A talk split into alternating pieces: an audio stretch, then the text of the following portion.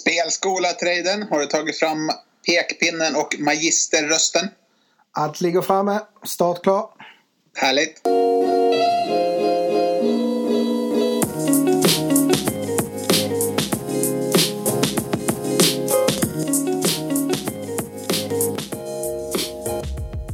Hej och välkomna till ett nytt avsnitt av Oddsjägarna Tennis. En podcast där vi skjuter skarpt VTA och ATP-djungeln. Hur är läget Traden? Det är alltid bra med mig. Eh, själv då Punton?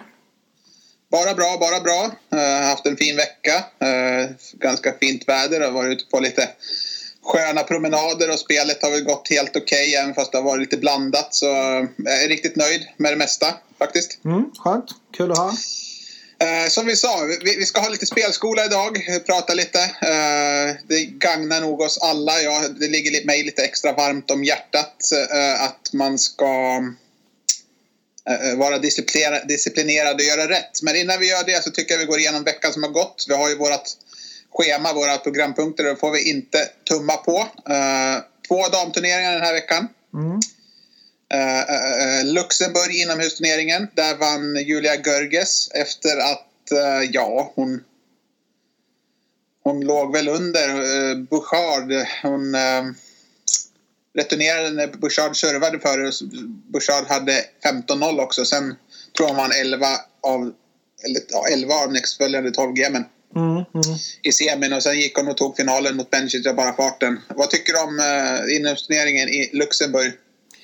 Ja, den var väl inte sådär jätteintressant tyckte jag. Det mest intressanta var väl då att eh, Jastremska faktiskt följde upp eh, sin titelvinst där förra veckan till eh, åtminstone en kvart eller semi var denna veckan och, och passerade ju framförallt Muguruza där som en fin milstolpe. Eh, brände ju egentligen Muguruza rakt av banan och, och, och följde upp det med att bränna Ja, vem det nu var nästa. Ja. Men, men hon åtminstone alltså, verkligen etablerat sig har Jastremska gjort tycker jag. Det var väl mest orken som gjorde att de inte kunde klara av Bencic där igår, eller förrgår. Ja, precis. Det blev skiljeset tiebreak och mycket matcher i kroppen. Det, det tar sin eh, liksom, tolt till slut. Uh, sen hände, ja, jag vet inte, var det inte Kirsten Flipken som fick en boll på örat där och var tvungen att lämna i VO i dubbelmatchen tillsammans med Johanna Larsson? Jo, det var ju det. Man tittar på livescoren och så ser man dubbelresultaten och så ser man VO.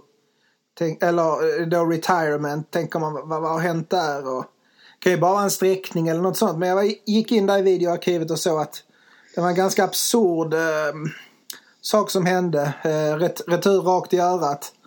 Några tårar föll och eh, sen handduken in helt enkelt. Olyckligt. Ja, helt ovanligt. Mm. Sen har vi väl, den turneringen har vi följt mer, eh, VTA-turneringen Moskva, också inomhus. Mm. Där vann eh, Kasatkina, där är Kasatkina efter en ganska svängig match mot Ons Jabeur. Mm. Tunisiskan. Um, hemmaspelaren Kasatkina fick vinna där till slut med 6-4 avgörande set. Eh, hon var ju illa ute där ett tag och det har snackats mycket om den här eh, coachningen hon fick av sin tränare när hon låg under med ett set ner och 4-1 i andra set. Då kommer tränaren in och säger att uh, jag, jag, kan inte riktigt återberätta vad han sa för någonting men det har blivit ganska en liten grej på Twitter där när han går in och liksom börjar prata med henne och pushar på henne att nu ska du bara göra så här och nu ska du bara göra så här och nu ska du bara göra så här och så ska du inte tänka på någonting annat. Och hon till slut, till slut får han med sig henne. För Kasatkina kan ju vara lite grinig, lite hängig, lite deppig, lite... Uh, kommer hon in på, med humöret på fel, på fel sida eller vad man ska kalla det så då brukar hon kunna bli ganska sur och grinig och, och lite svår att, att, göra med. Mm. Men han, liksom, han fick över henne på sin sida och så vänder hon och vinner den matchen. Så hon, ja, det var ju glädje, det var glädjescener och tårar och, och allt möjligt. Mm. Och tårar från Jons Jabeur också som uh, var ja, hon kunde inte ens gå där på slutet. Uh, hon hade såna kramper i ena benet att uh, hon klarade inte av att gå fram och tacka Kasatkina för matchen. Så hon, fick, hon stod där och kramades vid, vid uh, servelinjen. Mm. Uh, rätt bra turneringar ur både spelsynpunkt och att titta på tycker jag. Bra tennis inomhus och lite, lite roliga matcher. Mm. Framförallt hög nivå tyckte jag lite synd där om Unsjabur för att uh, tyckte nog kanske hon var den bästa spelaren denna veckan om jag ska vara helt ärlig. Var ju nära på att åka ut i kvalet mot uh, brittiska Harriet Dart. Mm. Tiebreak där från förlust. Men, men det är också ett bra kvitto på vad självförtroende kan göra för en spelare som, som är lite så inkonsistent liksom under stora delar av säsongen. Mm. Eh, två herrturneringar också. Även en i Ryssland och en i Sverige. Eh, börjar med Ryssland, in, inomhusturneringen där. Eh, vi har um, var det den moraliska finalen i semifinalen igår mellan Kachanov och Medvedev. Mm, det var det. Eh, Kachanov vann den matchen till slut 6-3 i avgörande set och sen får han få möta Manarino och det är väl kanske inte någonting som skrämmer för ryssen. Nej, det är det väl inte. Manarino sprattlar till, sprattlar till lite här i slutet på säsongen. Uh, har varit väldigt kall under en längre tag men uh, så fort han blir bollsnål så blir han också jobbig att möta. Uh, det har ju fått, bland annat Seppi fått känna på igår som faktiskt spelade bra tennis denna veckan också. Så att Gashanov stor favorit. Det är väl kanske korrekt också tycker jag. Det är första titeln i år för Kashanov i sådana fall. Kul för honom. Ja, och i Sverige. Stockholm Open. Ja. Jag har inte varit ner och tittat något. Jag tänkte väl ett litet tag att jag skulle göra det men så åkte jag på en liten miniförkylning och jag tyckte att äh, jag är inte hundraprocentig, det vill jag inte sitta i en, en träläktare heller liksom där och snora liksom, så då hoppade jag över det. Men äh, det har väl spelats hyfsad tennis kan jag tycka. Äh, jag tycker sällan blir något skönspel i Stockholm Open. Det, det, det, är mycket enkla missar och jag tänker bara på den här sockmatchen och jag tycker Isner Gullbys, det är sällan det blir några sådana här riktiga dueller. Mm. Uh, Tsitsipas och Fognini igår också. Det var liksom väldigt, väldigt så här så att de... Uh, det känns som att de inte... De försöker liksom inte förrän i slutet på sätten så där ibland. Mm, mm. Det är verkligen uh, inomhustennis i ett mötesskal tycker jag. Ja, uh, finalen i varje fall. Tsitsipas mot Gulbis. Tsitsipas ganska stor favorit och Gulbis har tagit sig fram. Han... Ja, han har återvänt till Sverige nu. Ernest. Mm efter den där episoden han hade på Radisson va? Ja, stämmer. jag tror han har varit i Sverige tidigare också ska jag tillägga men eh, han sa ju då att han aldrig skulle återvända. Mm. Han tyckte att det, det var ja, om ni inte känner till det om Gullbys så får ni väl googla och läsa på lite själva om vad som pågick där på i ett hotellrum nära er, ni som bor i Stockholm. Mm.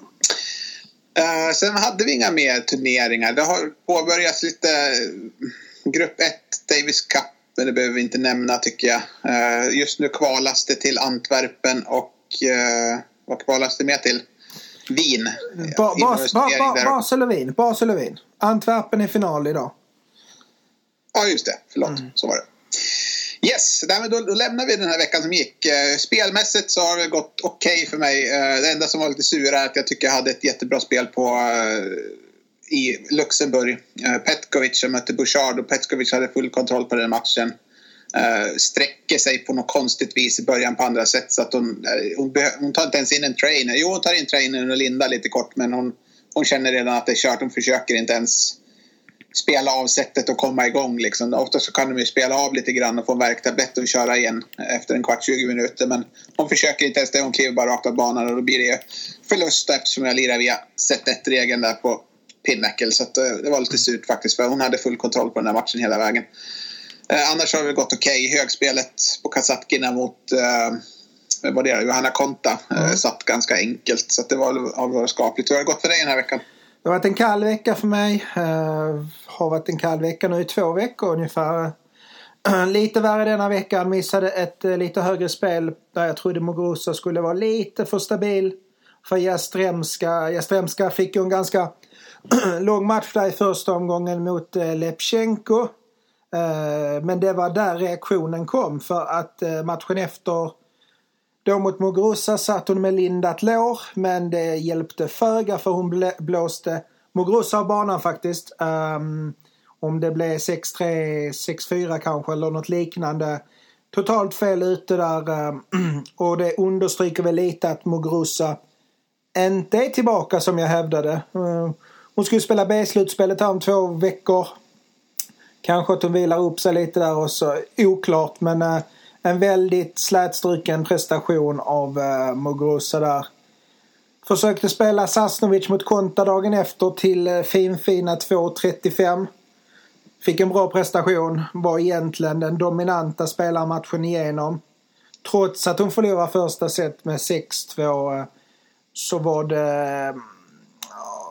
Ja, andra set var ju liksom, det var ju inget snack om saken. Och sen hade hon lite svårt att följa upp det momentumet till tredje och det slutade i tiebreak där. Konta spelar väldigt bra tennis så att... Eh, så är det lite med, med, med tiebreak ibland. Det blir som en straffsparksläggning. Eh, det krävs bara två, tre dåliga poäng av motståndaren och så är det svårt att, att hämta igen om den andra spelar bra. Det enda jag kan skryta med var att jag spelade Sevastova efter ett sets förlust mot Svonjareva i kvartsfinalen. Eh, 2,81 fick jag där. Hon vände på steken trots att Svonjareva spelade en bra andra set. Men eh, Sevastova är lite sådär segerblocken oftast. Och tänk på det om man vill livespela att eh, det behöver inte, behöver inte vara över för att Sevastova ser lite ointresserad ut efter ett set. Bra, med de orden får du stänga veckan som gick. Mm, toppen. Eh, då kör vi igång. Punten och tradens spelskola då. Eh, jag tycker vi börjar med punkt ett och det är att man etablerar en rulle. Och man ska vara ärlig med vad man har tillgängligt. Och eh, du kanske kan utveckla lite grann vad jag menar med det. Ja, um Först och främst ska man ju säga att man spelar inte för pengar man inte har råd att förlora. Um, jag kan väl flika in, för vi återkommer till det lite senare, det här med bonusspel eller inte. Det kan vara en bra grej att börja och etablera en rulle om man inte sitter med så mycket kapital till en början. Då spela lite med bonusar, um, lite lägre insatser och omsätta enligt kraven för att sen då kunna bygga upp en lite större rulle. Men uh, det där med bonus... Det tar vi något annat. Jag, jag är lite emot det, så vi tar det på annat. jag menar med etablera en rulle att man ska ta titta på sin ekonomi ungefär som att nu ska jag köpa en aktie som du tror lite sådär halvskapligt på och hur mycket kan jag avsätta till det? Mm. Uh, och det, det, är det du kan avsätta till det. Um, Säg att du kan avsätta 10, 20, 30, 100, 200 eller 500 000. Mm. Så är det, det din rulle. Och då så ska det vara att det här kan jag avsätta. De här pengarna behöver jag inte de här pengarna spelar ingen roll vad som händer i stort sett. Men det här är min, vad brukar man kalla det för, oförutsedda utgifter, eh, klumppengar. De, de kan man ta lite uh, kanske åt, mm. åt uh, att ha en, en rulle då. Mm. Uh, och så att det blir liksom så att det inte blir godtyckligt att nu spelar jag en tia där eller en hundring där eller en tusenlapp där. Eller nu, mm. nu känner jag mig att det har gått lite bra. Nu slänger jag på 10 000 på den här. Semesterkassa, kan vi kalla det det? Alltså? Förstår du vad jag menar om jag säger semesterkassan? Semesterkassan, ja mm. precis. Det är väl liksom så att uh, det får inte börja bli godtyckligt utan att man ska um, man ska se och lära lite grann i början om man inte riktigt vet vad man har gett sig in på vad gäller eh, rulle och bättring och, och strukturer och grejer. Så att man bara liksom en dag när man känner att nej, men nu har jag en, en skaplig summa pengar här. Då vet man vad man ska göra. Då vet man hur man ska liksom börja i varje fall. Då vet man vad man ska... Uh, så att man inte liksom bara helt plötsligt, vad ska jag göra nu? Nu har jag en massa pengar. Nu, nu bara kör jag liksom. Och så börjar jag, och så, då kommer det alltid sluta i, i dur liksom. Mm. Därför att uh, vet man inte riktigt vad man håller på med så till slut kommer det allt, man alltid göra de misstagen som gör att man uh, kommer lite ur gängorna psykiskt om det går emot och sådär. Man får aldrig hamna så att man eh, kommer i obalans, eh, varken i, i, mentalt eller eh, främst mentalt då, såklart. Mm. Och det, det, bygger på att man etablerar en rulle helt enkelt. Och sen steg två, man etablerar en bettingstruktur. Och då förespråkar jag från jag, jag skriver 1 till 6 procent, men egentligen är det 0,5 procent till 6 procent. Mm. Jag vet att du inte riktigt håller med det till 100 procent, men det, det, är där jag tycker om. Det är min comfort zone. Mm. Har du någon annan eh, comfort zone du tycker om att jobba med? Jag jobbar ju med lite högre maxspel, framförallt när jag trycker på. Men sen ska man också ha i åtanke att jag håller väl ganska jämna insatsstrukturer. Eh, det händer, ofta, det händer sällan att jag trycker på så mycket utan jag håller mig oftast kring låg, medel, medel, medel, hög ungefär. Och då pratar mm. vi ungefär en och en halv till tre och en halv procent och försöker skjuta på volym. Och du gör ju inte riktigt likadant. Jag, eh, jag, mitt medelspel kan jag direkt bara säga att det är på 2% Så om jag har en rulle på 100 000 så är det 2 000. Har jag en rulle på en miljon så är det 20 000. Mm. Det, det, är medelspelet uh, för mig. Mm. Om vi pratar procent. Och sen har jag lågspel, då kör jag 0,5 procent. Men lågspelen, vi ska prata mer om dem sen så vi, vi behöver inte ta det just nu. Men uh, att man jobbar i den det är vad jag rekommenderar. Alltså det finns ju de som rekommenderar att man spelar hög, maxspel på 15 procent och sådär. Mm. Uh, det är jag en stor motståndare mot. Uh, sen liksom klarar man av det och, att, och ha ett hjärnkyke, att man är en robot mer eller mindre, mm. då kan man ju göra det. Uh, men förstår du varför man inte kan göra det också? Eller har du liksom, är du inne lite på samma spår att Ja, alltså framförallt i tennis då. Eh, jag har aldrig hört talas om någon som, som rekommenderar de här 15 procenten när det kommer till tennis ska jag, ska jag tillägga. Men, Nej, inte just tennis men jag har sett annorlunda på, på övriga delar av världen också. Eller på övriga delar av andra sporter och sådär. Ja, ja. Men i tennis har du ju den här variansfaktorn. Alltså du har ju skador, du har fysiskt, du har eh, retirements, du har många saker som du har väldigt svårt att kunna beräkna. 15 eh, procent för mig hade varit väldigt tufft att brottats med vid en, uh, låt säga ett Petkovic-spel för din del. I förra ja. veckan. Det, det, är bara att vara ärlig med sig själv att det hade varit väldigt en sur, karamell, sur karamell helt enkelt. Ja, och det, det, är väl dit man vill komma lite grann med det där att det är så viktigt med bettingstruktur. Du säger sur karamell. Det är förmodligen så pass surt så att det är nästan svårt att återhämta sig på kort tid om du förlorar 15 procent av din rulle mm. och att någon ramlar och skadar sig. Mm. Mm. Uh, så, så, är det inte riktigt i fotboll. Uh, inte riktigt samma uh, sak där om den som ramlar och skadar och byter på utan. Men att det, det är det där psykologiska att det är liksom, du, du ska ju hela tiden ha så att du, du aldrig kommer ur gängorna oavsett lite grann hur det går. Mm just det där med att man har ett, ett tak på, säg för min del 6% Det är liksom vad jag klar, känner att nej, men det är okej. Okay. Uh, jag gör ett misstag, gör ett, uh, så, så, att det inte alls går som jag Då ska jag känna att uh, det ska inte vara så att man får, får, får ont i magen liksom och känna att nu, nu är jag så djupt i hålet här. Mm. Att det, är svårt för mig att uh, repa mig på, på kort tid. Det, det, ska inte vara, det ska vara sakta men säkert ska det vara byggande och även om det bara går bakåt så ska det inte göra så, där, så att det svider så mycket. Jag kan visa lite beräkningar sen hur jag tänker kring procenten och sådär. Men eh, från 1 till 6 procent så, så har du rulle på 10 procent så är det eller har du rulle på 10 000 så eh, är medelspelet på 200 kronor, högspelet 4 procent 400 kronor, ett maxspel på 600 kronor. Mm. Uh, ungefär där, där, man ska ligga om man, om man har en rulle på 10 000 om man, säger, om man kan säga det. Mm. Eh, sen ska vi, tredje saken här, tänka långsiktigt. Eh, att man ska vara ärlig mot sig själv och att eh, man ska inte börja fabrikera ihop spel om man har missat några saker, några spel på raken och sådär. Mm. Och det här är lite grann i korrelation med bettingstrukturen också att att man hela tiden ska ha en, en arbetsmetodik som egentligen inte förändras oavsett om det går bra eller dåligt. Uh, man ska vara lite som en, uh, jag vill inte säga robot, men liksom man ska arbeta sig fram till spelen på, på samma sätt hela tiden, inte ändra tänk. Och vara metodisk. Mm, och gärna sätta upp mål också, det är ingen dum idé. Um, sätta upp långsiktiga mål, kvartalsmål. När du tar fram spelen. Mm. Uh, när, du börjar, när, du, när du kliver upp på baren och tar din kaffe och så tar du fram oddslistan helt plötsligt. Mm. Uh, att du inte gör på något annat sätt även om du har vunnit 10 unit eller förlorat 10 units eh, de senaste två dagarna. Mm. Att det hela tiden kan... Att du hela tiden gör på samma sätt. Ja, jag förstår. Mm. Uh, och så har jag skrivit ett spreadsheet. Varför det, tycker du det är viktigt?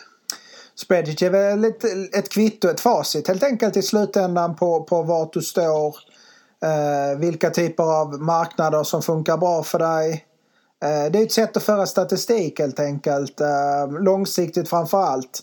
Se till att ha det låst. Eh, det behöver man inte ha för egen del då men Men det, det, är ju någonting som jag rekommenderar om man skickar ut rekar som du och jag gör i viss mån. Att ha det låst. finns alltid lite bittra människor där ute som, som har invändningar. Ja, men det, det bryr jag mig inte så mycket om faktiskt. Jag har min, min Excel-spread som jag brukar jobba med. Mm. Som jag är bekant med som... Det, det är inte i sig låst, men jag, jag skickar ut alla mina spel till de som följer så de, får väl, de märker ju att oddsen finns där liksom, det jag skickat ut. Så att eh, för mig är, det, är det ungefär som ett, ett kvitto. Jag, jag, jag håller inte på med något låst spreadsheet som jag ska ha och visa upp. Uh, om det är inte någon som tror att man vinner så... Så kan man avstå helt enkelt att följa det. Jag bryr mig helt enkelt inte om det helt enkelt. Uh, vill, vill, man följa så får man följa gärna. Så mm. Jag bryr mig inte om något låst spreadsheet. Jag har ju mitt eget och jag har min Excel-spread. Sen får man väl för, för, egen del så ska man bara ha ett, ett spreadsheet som ett analysverktyg menar jag. Ja, ja men precis. Uh, där finns väl lite saker i ett spread som kan vara viktiga att ta med. Se till då att, att bland annat skriva in eh, en bra grej är öppning stängning sorts. Eh, det är ju ett väldigt bra verktyg att arbeta sig in i tennisen om man är ny med tennis och försöker bli bättre för varje dag. Att att se till att få koll på hur marknaden fungerar och ett bra kvitto där är ju att se till att så ofta som möjligt kunna, kunna slå att Um, ehm, då vet man att man eh, på något sätt är på väg framåt.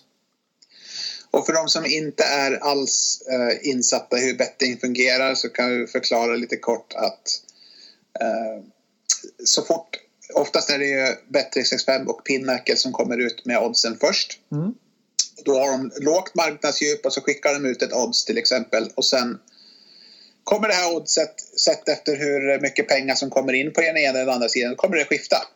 Mm. Uh, kommer att stiga eller gå, gå ner eller sjunka eller någonting sånt där efter hur uh, liksom marknaden bedömer matchen. Oddsättarna har gjort sin bedömning. Sen är det ju marknaden kan man säga som alla spelare kombinerat som ger facit fram till så att eh, matchen börjar spelas.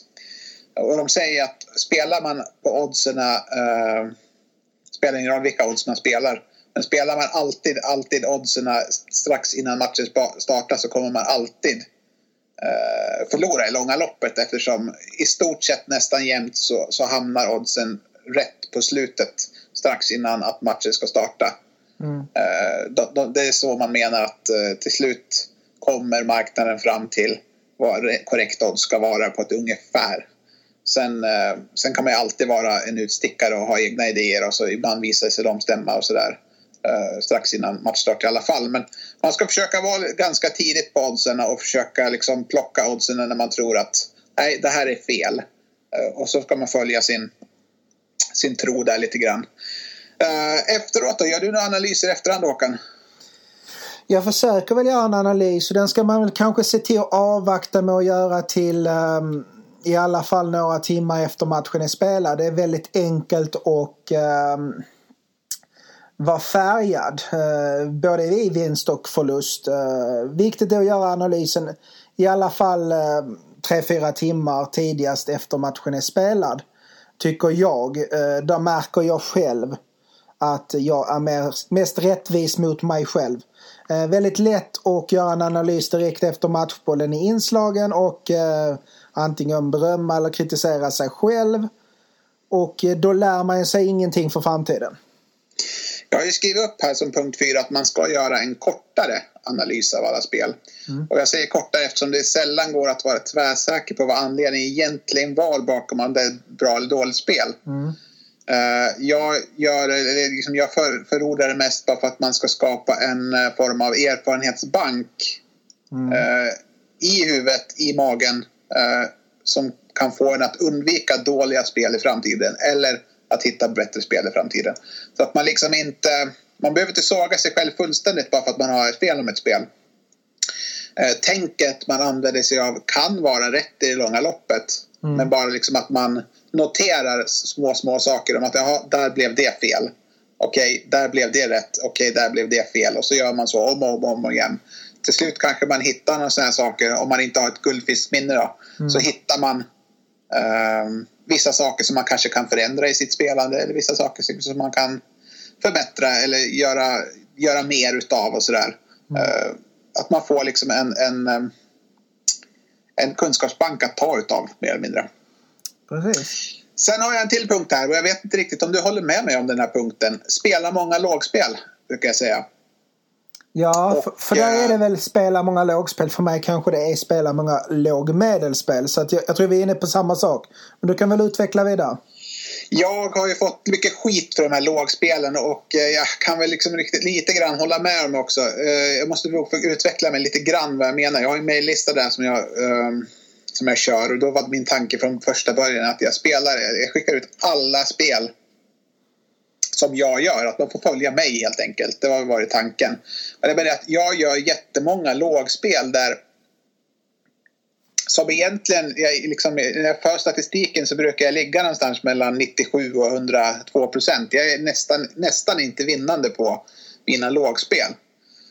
Och då har det blivit så att varför ska du hålla på och skicka ut lågspel? Det är 0,5 procent liksom, om du har en rulle på, på om du har en rulle på 10 000 då så mm. är ju lågspelen för 50 kronor. Mm. Det, är liksom så här löjligt lågt. Um, det är... Det, och så tänkte jag att ja, det kanske är dumt att hålla på och skicka ut de här som, jag, som, som följer min mejllista. Dels så kanske de spelar lite hårdare än, än den 0,5 procenten och två, uh, varför skicka ut spel som kanske inte riktigt är 100 procent säkert att de är vinnande i längden. Så det jag har gjort är att jag istället tagit uh, en fjärdedel av det där. Jag har tagit mitt bästa lågspel har jag tagit och gjort det till ett lågmedelspel på en procent istället och skickat ut dem.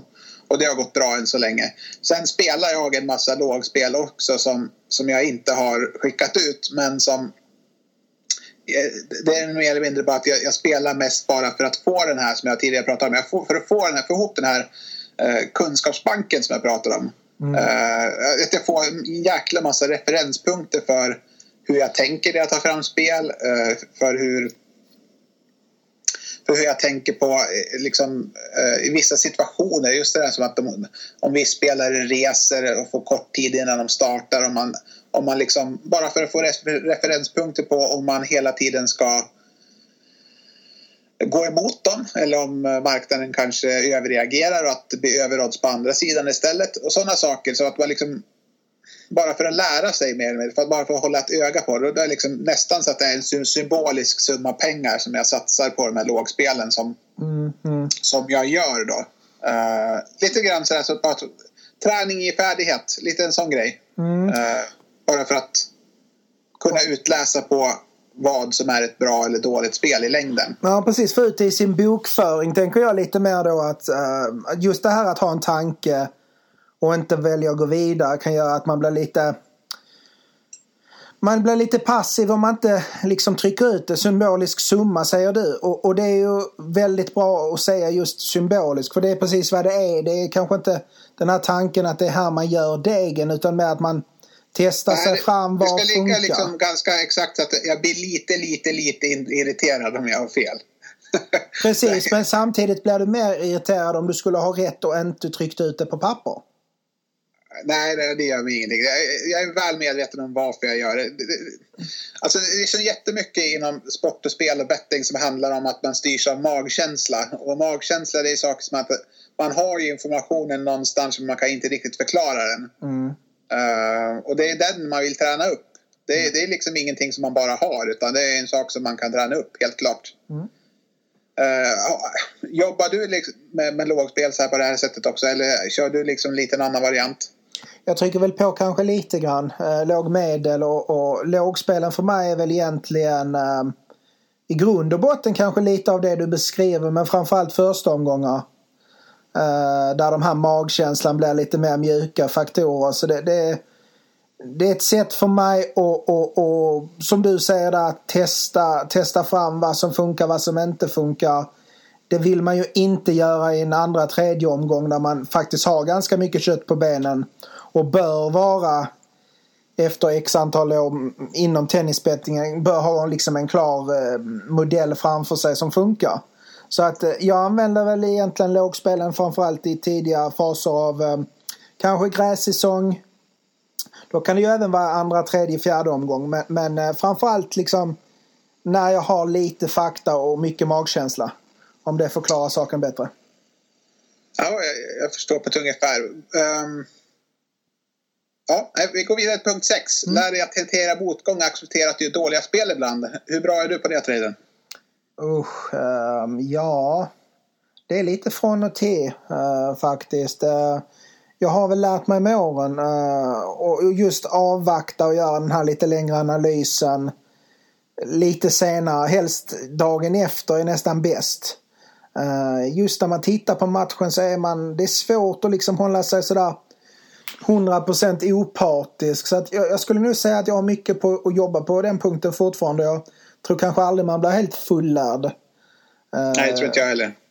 Vad, vad tycker du? Hur, hur, känner du? Om vi, om, vi, om vi går tillbaka dina två, tre första år som, som tennispunter kontra nu fem, sex, sju, hur många år nu det är senare?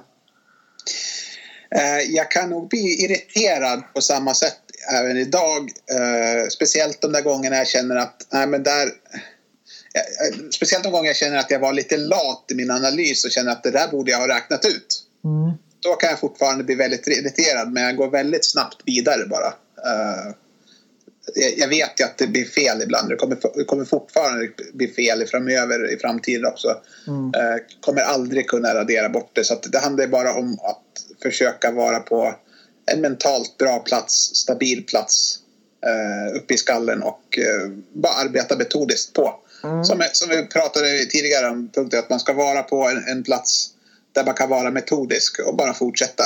Uh, mm. Om det är någonting som inte riktigt går som det ska.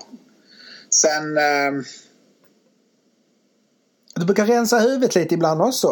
Ut och gå en ja, runda och så här. Det, det, det ska inte underskattas tycker jag faktiskt. Att just eh, komma från datan eller tvn eller var du nu sitter på vilken eh, plattform. Just att eh, liksom göra någonting annat bara. Ja, eh, för, för, tänka simma. på någonting annat. Eh, du slipper mycket liksom av det här. Ja, simma, varför inte? Ja, det, det, det är liksom någonting personligt för var och en. Men men just att kanske komma ifrån eh, den där miljön som får dig att tänka på ett eller annat sätt och, och, och ja. Det blir svårt att tänka om du bara går vidare till nästa match på direkten. Mm.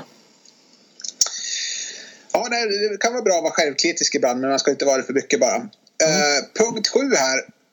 Jag har skrivit att man ska lära sig värdera situationerna om du sitter på bra information, om du sitter på information som bara du har, om du sitter på en eh, förståelse av matchen som ingen annan har. Eh, vad, är, vad tycker du ofta att jättemånga gör missar gällande sådana saker när de, när de tittar på oddsen? Till exempel, eh, jag, jag, läser jätteofta Fotbollsreka till exempel, just om den här. Uh, och så skriver de att uh, det är magsjuka som går i laget. Mm. Uh, sju, åtta stycken rapporteras vara inte komma till start i, den här divisionmatchen eller vad det nu kan vara. Mm. Eh, bombar in på det andra laget, maxspel. Mm. Tycker du det är en, eh, en bra anledning att spela ett maxspel? Nej, jag skulle nog välja ha mer eh, faktorer på, på laget man spelar för. Eh, man kan inte förlita sig att motståndarlaget ska, ska liksom inte dyka upp. Eh, speciellt jag när du... På, jag tänker lite grann på, är det inte det den här informationen eh, Okej okay, om du är först med den, om du får den från, om du känner någon spelare som skickat sms Precis. till dig att jag och, och Nilsson i anfallet vi ligger och spyr och kör uh, porslinsbuss nu liksom. Mm. Men den här informationen den finns väl ofta ute redan när du ska börja spela till det här oddset? Ja, precis. Det är väl inbakat redan då? Ja, precis. Oftast är det ju så och, och, och oftast är det ju rapporterat på flera nyhetskällor redan sen tidigt. Det krävs ju verkligen att du har den här insynen som du säger att ett sms kanske från anfallaren själv som, som, som förklarar situationen bättre. Men, men du kommer ju aldrig få 100% insyn om du hittar det på nätet. Nej, precis. Uh, då, då finns det ju för för allmänheten det jag menar, det, det vi tar fram lite grann att många gånger informationen som man känner att det här vill, nu vill jag spela maxspel på grund av det här. Då är det redan inbakat i oddset när man sätter sig och spelar. Mm. Mycket därför säger man att det krävs att man är ruskigt insatt eller påläst inom den sport man försöker slå. Mm. För att liksom ha den här uh, edgen som man, vill gärna, som man gärna vill ha då, om man ska kunna slå en marknad eller en sport eller vad det nu kan vara. Mm. Uh, man måste ha info, förståelse och kunskap och kunna dra paralleller som ingen annan kan helt mm. enkelt. Mm. Det är där man hittar edgen i, i, i, uh, i ett odds. Så man, liksom, att man är självkritisk i vad det är för sorts information man, man sitter på när man ska spela ett spel. Det tycker jag är oerhört viktigt. Det håller jag med om. Uh, och en sista grej här för, för den här delen av uh, spelskolan är att man ska våga lita på sin magkänsla direkt. Att man ska sitta och vila på haspen och kolla och vara osäker på om ja, har jag missat någonting nu? Är det här oddset verkligen... Uh, har jag, det här oddset känns fel. Har jag missat någonting och liksom, som, som gör att marknaden bedömer matchen annorlunda eller något där. Att man klipper oddset direkt, litar på sin magkänsla, man gör en snabb analys. Mm. Sen kan man kanske göra lite mer efteråt också men gärna gör man klart den så snabbt man kan och bara konstatera att det här oddset är fel och så köper man det mm. eh, på en gång. Är det någonting du tycker att man ska vara, kan förbättra hos dig själv? Eller, jag tycker alltid det är lite svårt när man hittar odds som man tycker är helt galna. Eh, att man inte riktigt vågar trycka ordentligt då eftersom man, har alltid misstänksam om att man kanske har missat någonting och att man inte har sett den här eh, tweeten om att eh, Nadal sprang runt och hoppade på ett ben igår på träningen för att han hade så ont liksom och så, ja, sådana grejer. Hur, eh, hur tänker du i sådana här situationer när du hittar odds som eh, du tycker är helt galna egentligen? Ja, man kan börja med att säga att jag brukar ligga in ett litet äh, lågspel till att börja med och få det ur världen. Sen brukar jag gå igenom matchen lite mer ingående. För att sen då kanske öka upp det lite grann. Men just att få ut det och lita på sin magkänsla är väldigt viktigt tror jag. Uh, faktiskt. Och, och, att bara få ut det på papper. Det behöver inte vara något högt spel. Bara liksom. Och sen får man gå igenom det. För det vara såklart lite kortare eftersom att marknaden kan både uh, sjunka och höjas. Uh, sett i efterfrågan då sen. Men men jag tycker det är viktigt att man agerar fort. Man behöver inte agera fort med någon högre insats. Men just att man litar på det man gör. Annars blir, man väldigt, eh, annars blir det väldigt svårt att hålla den här strukturen som man, man har liksom, som han har en tro på. Eh, tycker jag. Eh, förstår du lite vad jag menar? Ja, jag förstår.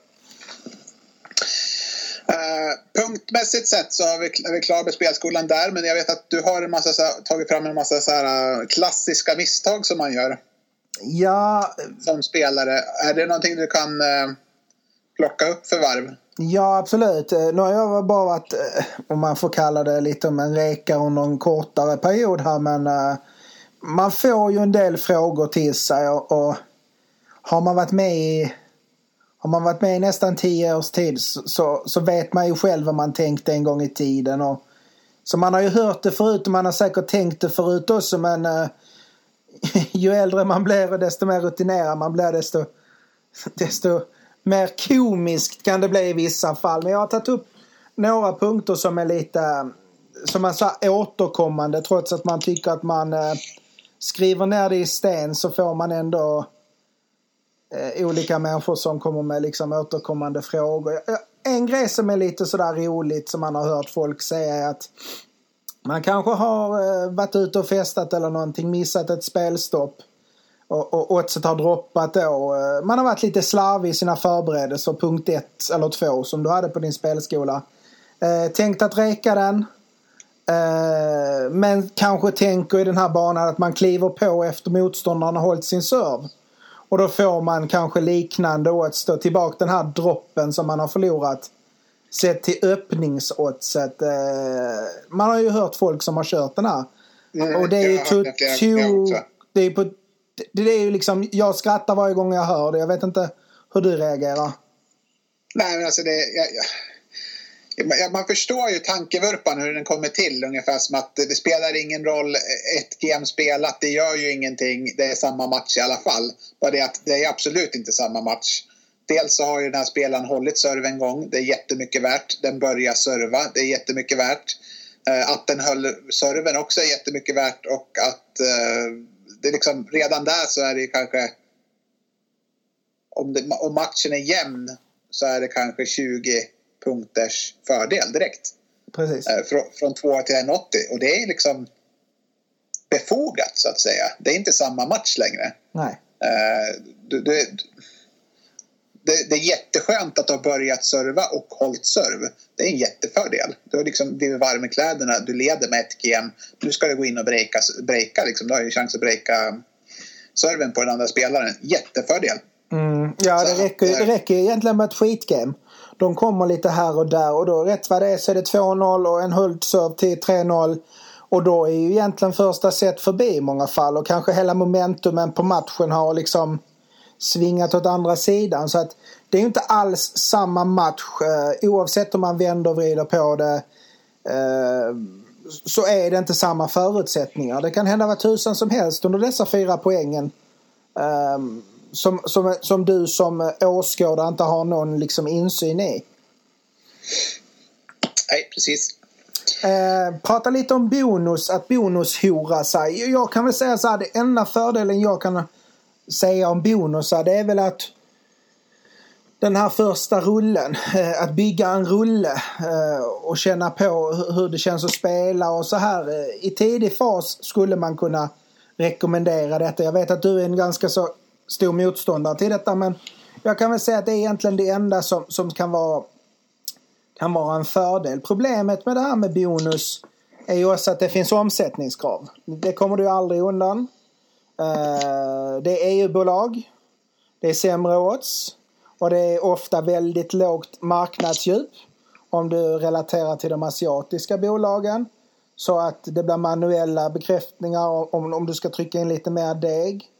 Uh, alla odds under två gånger i vissa fall och ibland vissa fall under 1,80. Det kan ju fortfarande finnas värde i dessa matcherna. Låt säga att man vill ha ett högspel på 1,70. Då ska man behöva rota in på någonting som man liksom kanske inte har full insyn i. Det betyder ju inte att du spelar Federer till 1,09 för att höja upp oddset att det är ett bra spel till 1,09 utan det, det är ju liksom en match till. Det är ett risktagande till. Hur mår du om Federer kommer ut lite halvskadad och, och förlorar den matchen? Mm. Uh, och så sätter du det här trevliga spelet till 1,70 Uh, nej, jag gillar inte det här med bonus. Uh, har man kommit ja, långt i alltså sitt det, spelande det, det så... Det är matematik i mig, i mig som kommer fram. Visst brukar det vara att man sätter in tusen kronor så får man tusen kronor till att spela för. Det är väl liksom den mest uh, vanliga bonusen vad jag har förstått som mm. jag har mm. sett. Mm. jag har väl liksom... Jag tror jag utnyttjat bonus några gånger när jag startade Bet365-konto. Det var ganska många år sedan. Mm. Mitten nog 15 år gammalt det kontot. Eller mer ja, någonstans 10-15 år. Men eh, jag förstår inte riktigt hur det ska...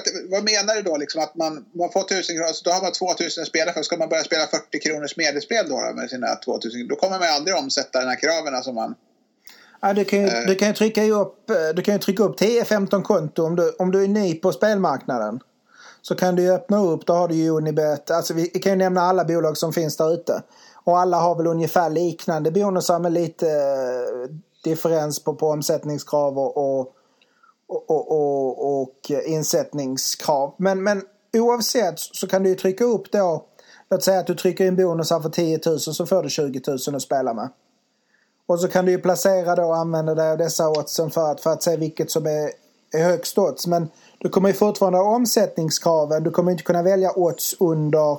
I alla fall inte singelspel under. Det kommer svårt att omsätta det där liksom. Uh, du ska ju fortfarande, jag vet inte vad de har för krav, är det 5-10 gånger eller sånt där? Ja, och sen är det oftast tidsbaserat också så att du måste Nej, det funkar ju inte liksom. Nej, för dig hade det blivit väldigt svårt med tanke på att du, du håller ganska så låg volym eh, generellt sett. Så att du får ju ändra om hela din bettingstruktur också. Du får anpassa ja, dig. Ja, gå all in hela tiden liksom. Satsa allting och vända på lappen bara för att uh, man ska ta den här edgen om att man har 50% eller 100% mer att spela för. Det kan, kan jag förstå om man är liksom, då blir det väldigt mycket hasard över det. Eh, det anledningen till att vi pratar om den här spelskolan är för att man ska anamma den här att man har en rulle och har en bättringsstruktur och alltså att, man, att man arbetar med den. Mm. Uh, för många är ju betting att man sätter in uh, 1 till 2 tusen och så ska man försöka spela upp det till 20 000 liksom. Mm. Mm. Ska man göra det uh, på korrekt sätt eller på, på vårt sätt som vi förordar så då, då tar det från 1 till 2 tusen till 20 000. Det tar ju 4-5 år. Mm, mm. Uh, det är därför man för, förordar liksom att man har en, en uh, avsätta en lite större rulle eller vad man kallar det på att um, mm. och försöka få, kanske ha som mål att dubbla den under ett år. Det tycker jag är en, en, um, ett bra mål. Mm. Det är rimligt. Men nej, jag, jag, jag tycker det, man, man man lär sig fel saker om man ska börja ta bonusar och börja betta med dem. Och, och man kommer aldrig liksom vara vinnande. Om man, så man, visst, man kan säkert vinna lite grann kort tid så ibland. Absolut, alltså det finns ju fördelar och nackdelar men, men det är svårt att integrera det till din egna bättringsstruktur. För du kommer alltid behöva anpassa dig efter vad bolagen säger till dig.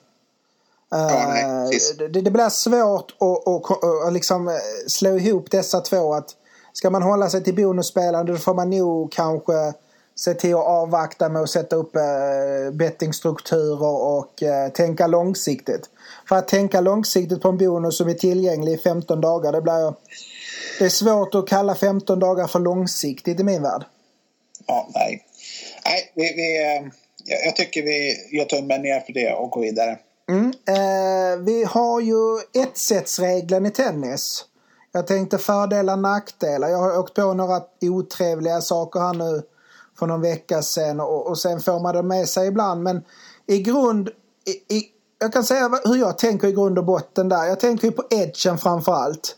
En stor edge man kan ha i tennis är att följa den fysiska. Vi, vi ska ju inte glömma bort att tennis är en fysisk sport till att börja med. Set 1-regel innebär ju då att eh, ett set är färdigspelat, matchen eller betten står. Oavsett om de kastar in handduk eller, eller vad som sker. Har ett set spelats så kommer spelet stå och räknas och rättas. Uh, då finns det ju en viktig faktor i att man bedömer. För att få edge uh, så är det vecka till vecka spelarna spelar. Det är påfrestande.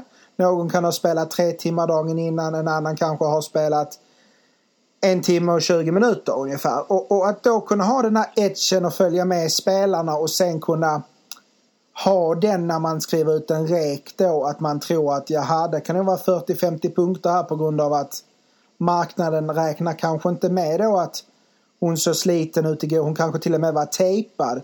Hon kanske till och med tog någon piller. Eh, det här är svårt för marknaden att räkna med i, i första fasen och, och där finns en otrolig edge att hitta och varför ska man då inte spela set 1-regel om det finns möjlighet till det? Uh, jag jobbar ju mycket så att, att det är vikt, det är en väldigt det är nog kanske en av de största edgen man kan ha på dessa marknader. Just att, att veta den fysiska statusen på var och en spelare. Det är genomgripande för mig när jag bettar på tennis att jag spelar näst. Försöker alltid hitta, hitta situationer där just den biten talar till min fördel. Mm. Därför jag tycker om att jobba med set Jag försöker alltid finna situationer där Eh, Eh, en spelare fick en lätt match innan, liksom nästan så att de fick en uppvärmningsmatch. Eh, allt, det ska finnas alla anledningar att de ska göra en bra match, ha bra ork, vara fysiskt fräscha. Eh, sådana spelare de spelen jag alltid söker mig mot. Har de spelat tre timmar, en skittuff match på damsidan dagen innan. typ till exempel Johanna Konta som spelar två timmar och 38 minuter mot Sasnovic mötte Kasatkina som vann ganska två, två ganska, en snabb match, en timme och 24 minuter mot mm. eh, mm. Pavlychenkova. Eh, exakt sådana situationer vill jag då köpa mm. Kasatkina som jag tycker är lite bättre. Mm. Eh, och sen bara har jag den där bakomliggande faktorn, lite mjuk, lite hård, lite halv, halvmjuk kan man mm. kalla den. Eh, att den biten, fysiska biten, så att ett talar mig till min fördel. Jag tycker att det bygger liksom, det kanske blir någon procent ROI per år. Eh, bara för att man har så. Det tycker jag liksom, det är värdefullt att ha, ha med sig hela tiden. Mm. Ja, men det är någonting intressant du säger där. Man spelar i bäst av tre set. Ta då en spelare, då, ditt exempel där Kasatkina mot Konta. Då har du liksom en spelare som... Eh, det finns ju alltid en chansen att det går in i ett skiljeset. Uh, då har du en Kasatkina som är en fysiskt stark spelare mot en Konta som är inte särskilt fysiskt stark. Uh, och lägg där då till att hon har spelat en lång match. Hon andra kommer från en kort match. Då kan man ju göra matematiken själv att går det till tre set. Då är ju den, den, den lipen mellan de två är ju betydligt mycket större än vad det kanske hade varit i en första omgång i US Open. Mm. Så varför tacka nej till det? Nej. Du, eh, vi, vi, har sagt en del om mjuka och hårda faktorer. Du kan väl ta och förklara lite grann vad, vad vi menar med mjuka och hårda faktorer? Ja, eh, hur börjar man där? En sån diskussion. Ja, eh, vad, vad är exempel på mjuka hårda? Tänker du de banorna eller? Ja. Vad skulle man kunna säga? Magkänsla är väl i, i grund och botten en ganska mjuk faktor. Eh, för, för, för, att relatera till någonting som vi redan har pratat om. Eh, sen finns det ju som sagt head to head kan vara en mjuk faktor. Eh, titta vilken, vilket år matchen har spelats. Var det samma spelare som det är idag? Sen finns det ju head to head som kan vara väldigt hårda faktorer också. De kanske har mötts fyra, fem gånger på ett år. Och det har varit eh, genomgående liksom blowouts. Eh, det är väl ett typ på, på en mjuk faktor som kan vara, både vara mjuk och hård. Eh, har du något bra exempel? Någon som har 0,30 i statistik i matcher mot vänsterhänta spelare, det är en hård faktor. Mm. Uh, mjuk faktor tycker jag väl kan vara att uh, uh, jag hade ju en rek här förut där jag benade på att Gasquet alltid tankar matcherna en vecka efter att han har gått, eller veckan efter att han har gått långt i en turnering. Mm. Det är en mjuk faktor för att det är mest en känsla man har, eller man liksom chansar på att han kommer göra samma sak igen fast man har inte riktigt 100% underlag för det. Situationen kan vara annorlunda nu. Man bara ser vissa små tendenser. Det är en mjuk faktor. Mm. Uh, mjuk faktor kan vara att uh, en spelare inte tycker om att spela i Asien. Man, man gissar det. Jag syftar på att, eller jag menar ofta att uh, många amerikanska spelare presterar dåligt i Asien eftersom de trivs helt enkelt inte att spela där. Mm, mm. Uh, av någon anledning. Det, det, kanske finns statistik på det, det kanske inte jag, jag är liksom inte riktigt så att jag är särskilt hungrig för att sitta och leta sådana matcher. Man kan väl uh, säga i grund och botten... vecka på att ta fram statistik på det. Utan ja. det är med, med mjuka faktorer såna som man... Ja, just det här med att de reser och har hemmaplan och uh, bytt tränare. Man, man, vet inte riktigt. Det skulle kunna vara så. det skulle även kunna att man har fel, men liksom att man det är väl mer mjuka faktorer. Mm. Fasta, eller, eh, hårda faktorer är väl mer att det nästan kan bevisas att eh, det är en faktor. Ja, precis. Nej, men du har liksom underlag på det. Du behöver inte du behöver inte tänka, du behöver inte eh, liksom komma med olika argument. Det räcker egentligen med, med få argument och de är så starka att den andra ger sig kanske mer eller mindre direkt. Ja, vad tycker vi om, vi lämnar det. Jag tycker mm. jag förklarade det bra. Vad tycker vi om livespel? Vi har fått en fråga också om eh, vad, vad man ska göra för att bli en bättre livespelare sådär. Jag tycker jag bollar över den till dig direkt. Eh, vad tycker du, för det första, vad tycker du om livespel och eh, vad kan du ge för tips? Egentligen, alltså om man tittar så här historiskt sett hur det går för mig i livespel ska jag säga att jag inte ligger, jag ligger inte över 110% ROI. Jag, skulle nog till och med kunna säga att är jag plus så är det, det är få procent. Och det beror nog på att man försöker leta saker som inte finns egentligen någon, någon, någon, något underlägg på. Vad jag har gjort på senare år är att jag letar skador. Jag letar eh, jag letar ju liksom under matchens gång i så fall någonting som skulle kunna fram i, i, i matchen kunna generera någonting. Utan Att bara leta, oj hon har breakboll nu, 0.30, andra serv. Det, det, det, är lite för, eh, det är lite för lätt. Jag, jag, jag letar mer kanske att Uh, oj, hon kommer tejpad här. Det kan ju till och med vara innan matchen har börjat. Oj, hon kommer tejpad på båda benen idag. Uh, det såg mycket bättre ut igår. Då hade du ingen tejpning alls. Det är aldrig någonting som som är en positiv eh, faktor. Till exempel var ju Wang här för någon vecka sedan. Eh, spelade tejpad första, andra, tredje omgången på höger sida. Så hur bra ut som helst. Kom tejpad på båda sidorna till kvartsfinalen. Och lämnade in handduken efter ett set ungefär tror jag det var. Uh, det är ju tekniskt sett ett livespel även om matchen inte har startat uh, per se. Ja, det. är lite så jag tänker kring. Jag, jag har lärt mig att inte leta Oj, tar hon denna här breakbollen så, så ligger matchen öppen. Ja, men hittar hon ett S och momentumet vänder totalt så sitter du i liksom... Eh, då gungar båten rejält. Ja, som sagt, jag, jag, jag, eh, jag rekommenderar inte livespel överhuvudtaget. Jag tycker att det är en eh, extremt svår uh, gren att bemästra. Jag ska säga så här, jag har varit tennisfanatisk sedan jag, sedan jag var 12 år.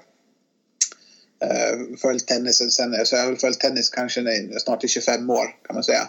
Uh, har väl tyckt om att spela på tennisen nästan hela vägen. Kanske inte för att jag var 12 men några år senare efter det i varje fall. Mm. Uh, kom ju från pokerboomen jag också till viss del och uh, efter det så försökte jag, jag har ju försökt uh, bemästra den här live-delen en hel del. Med blandade framgångar ska jag säga men alltså det, det jag, jag kastade bort jättemånga år på att försöka slå live-odds-biten mm. inom tennisen. Därför att det, det, är så otroligt godtyckligt mycket med live. Uh, vissa saker det är sällan jag spelar ett spel idag till exempel där jag inte förstår vad jag gjort fel. Mm. Men det är så ofta när man spelar live uh, där man helt enkelt bara inte förstår vad var det som hände där.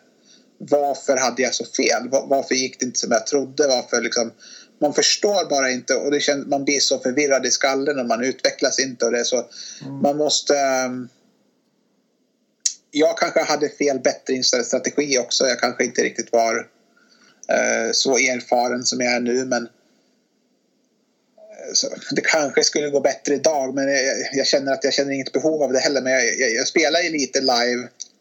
Har inte alls samma Roy, eh, Roy live. Mm. Det är för att jag kanske inte riktigt går in för det till 100% heller. Men Uh, det, är så, det är så jättesvårt. Det är jättestor varians också ska vi komma ihåg. Man, man, ofta när man spelar live så spelar man oftast till lite högre odds. Man spelar ofta på vändning. Uh, det, är ofta där jag hamnar mm. i varje fall.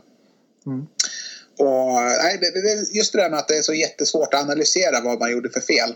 Mm. och vad, som, vad man gör bra och ibland gör man misstag också och inte riktigt kommer in rätt i oddsen. Så att, jag tycker att livespel då, då ska man vara verkligen man ska ha en jättestor rulle till att börja med. Alltså jätte, jätte, jättestor rulle mm. för att spela live. Och man ska vara... Man måste titta på matchen också hela tiden. Mm. Och bokföra framförallt tycker jag är viktigt så att man verkligen ja, inte inbillar sig någonting. till 100 procent. Ja. Man måste verkligen liksom följa dem och, och vara beredd på vilka, alla oddsrörelser och allting vad som händer i matchen också. Mm. Det är inte jag alls på samma sätt. Jag tar det lite mer på... Eftersom jag har tagit den biten ifrån mig. Även om jag ser att jag spelar ett spel där min spelare är eh, ser trött ut eller skadad så har jag liksom, jag bryr mig inte om att läsa av det och spela bort spelet eller någonting därför att det har blivit så fel så ofta så många år så att jag, jag, jag bara tar det jag tar det som det kommer. Jag accepterar att eh, det kan bli fel ibland med skador och grejer. Mm, precis. Vi har... jag, ja. Och jag går inte in och kladdar någonting mitt under matchen efter numera heller när jag, när jag har spelat ett spel. Utan uh, jag har tagit bort den biten eftersom det har helt enkelt inte funkat bra. Uh, jag, jag tjänade lite pengar på det, live men det, var liksom, det, tog så mycket energi ur mig. och det, liksom det, jag kastade bort eh, många år på att försöka slå live-biten i tennis. Jag lyckades inte riktigt så, så att jag trodde att det som jag hade tänkt i alla fall. Mm. Jag trodde att jag var bättre än vad jag var på, på livespel. Mm. Och numera spelar jag kanske... Ja, jag brukar skriva ut dem på Twitter ibland. Uh, enstaka gånger. Ja. Jag tänkte du sa en intressant sak där man måste ju vara med under matchens gång hela tiden. Mm. Och sen tänker man ju att dygnet består av 24 timmar. Om du då ska gå upp tidigt på morgonen, gå igenom analyserna, gå igenom matcherna titta på gamla matcher i arkivet, eh, eventuellt se några matcher av dem du har rekat. Det finns inte så jäkla mycket tid kvar på dygnet eh, om du då ska sitta och titta 3-4. Man ska ju säga det, ska du spela livespel så ska du ju hänga med från början till slut för, för att verkligen gå in för det och räkna då med i snitt två timmar per match. Eh, det blir lite tufft. Då får man välja ut matcherna innan och, och blir det fyra, fem matcher så sitter du där i en hel arbetsdag. Det, det blir tufft och eh, sköta båda sakerna samtidigt för att få ut ordentliga rekar sen pre också. Och, liksom ha knoppen på skaft. Härligt, jag tror jag har betat av det. Då stänger vi spelskolan här för idag i varje fall. Mm, kul. då går vi vidare och tar eh, de matcher, matcher vi har i första omgången för veckan som kommer och pratar lite odds. Uh, vi har ju Basel, round one. Har du någonting där tycker du?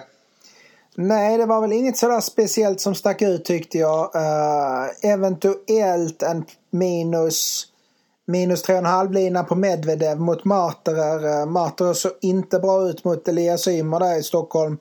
Och har inte sett bra ut under flera månader här nu. Det, det bör väl kunna vara ganska stor klasskillnad på dessa två herrarna i känslan. Kanske en 81 där Medvedev. Jag vet inte riktigt om det är om det är lite värde kanske, jag vet inte. Mm, 6-4, 6-4 skulle inte förvåna mig. Jag har väl mitt enda spel för hela omgången här och det är eh, Peter Gojovcik till 1,86 mot Nicolas Järry. Jag tycker inte Nicolas Järry gör några bra matcher alls numera. Jag tycker han är fladdrig, slänger bort breaks till höger och vänster. Hans serve funkar inte riktigt som den ska tycker jag. Mm. Uh, det blir väldigt lättläst. Det funkar nog rätt bra att returnera där för Gojavcik som, som uh, han möter flakt med flakt där på serven. Jag tycker Peter Gojavcik ska stå i 1,70-1,65 där i den matchen. Mm. Kul för hemmapubliken kan vi också flika in att både Federer och Wawrinka ställer upp. Uh, vad tänker du, bara om jag får flika in där, kommer Federer att skita i Paris då för att ladda upp för London sen eller? Om ja, han går långt här va? Ja jag vet inte faktiskt. Det beror på hur, hur mycket eh, fransoserna eh, fjäskar för honom. Eh, jag tror inte han är så sugen på att spela så mycket Federer nu.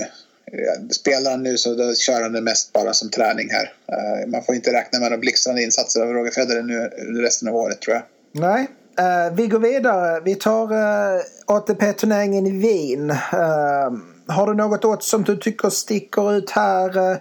Jag var lite inne på att Luca Poi skulle kanske vara lite jämnare åt mellan honom och Kohlschreiber där. Um... Jag har ju som en tumregel för mig själv att jag aldrig spelar Lukas Pui i en första omgång eftersom det är hans sämsta gren. Så att jag, jag skulle aldrig spela, även om oddset är högt här nu kanske eventuellt mot Kohlschreiber. Men nej, jag spelar inte Lukas Puj i en första omgång eftersom han är nog bland de sämre toppspelarna, eller toppspelare ska vi inte kalla honom, men mm. en av de sämre, bättre spelarna på touren som, är, som gör absolut sämsta insatser i första omgången. Mm. Att, ja, det, är, det, är, lite sådär att klia i fingrarna. Man vet ju nivån han har, men det är precis som du säger där att uh, det är lite fågelfiske med honom framförallt då i inledningen av turneringen och, och, och, det är väl därför oddset är som det är också. Han har ganska svag form men att uh, han avfärdar Kolschreiber här. Det inte, känns inte som en omöjlighet på något sätt. Uh, vi har Kashanov som går ut som stor favorit mot hemmahopp. Dennis Novak. Uh, kan vara lite intressant att se de här spelarna som uh, kommer från långa turneringar veckan innan. Kyle Edmund möter Diego Schwartzman. De möttes i bara för tre, fyra dagar sedan. Uh, han börjar hitta någonting nu då, Schweizman kanske, lite grann. Någonting jag tycker han börjat hitta lite träff där när han spelade mot, uh, vad var det då? Uh, Simon. Mm. Uh, kanske att han börjar hitta lite spel men att han, nej, han blir nog väldigt straffad mot Edmund där med serven. Mm, mm, mm. Han ska vara så mycket bättre i spelet och det är han nog kanske inte.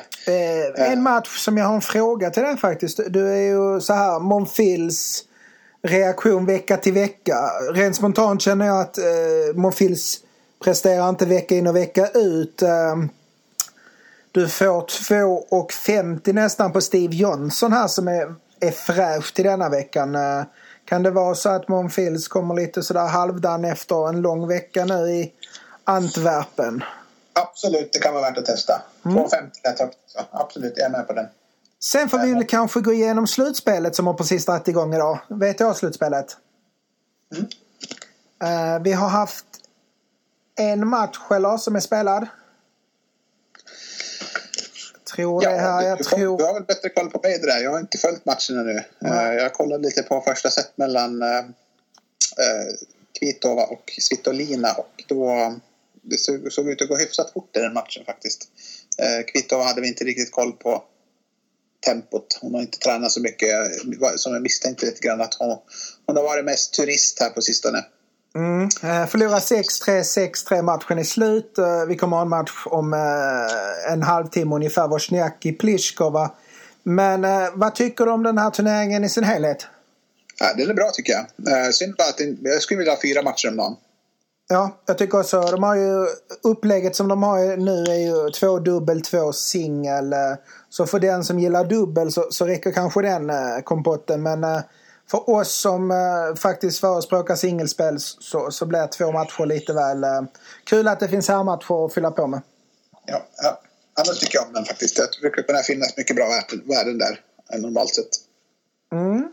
Jag tycker det är bra att Uh, bra upplägg på när de spelar också. Men jag skulle vilja ha lite fler matcher på något vis. Jag skulle, skulle dubbla startfältet i så fall. Fyra matcher om dagen, 16 spelare. Ja. Vi ska säga det att Halep eh, drog sig ur i slutet och eh, Bertens fick den sista platsen.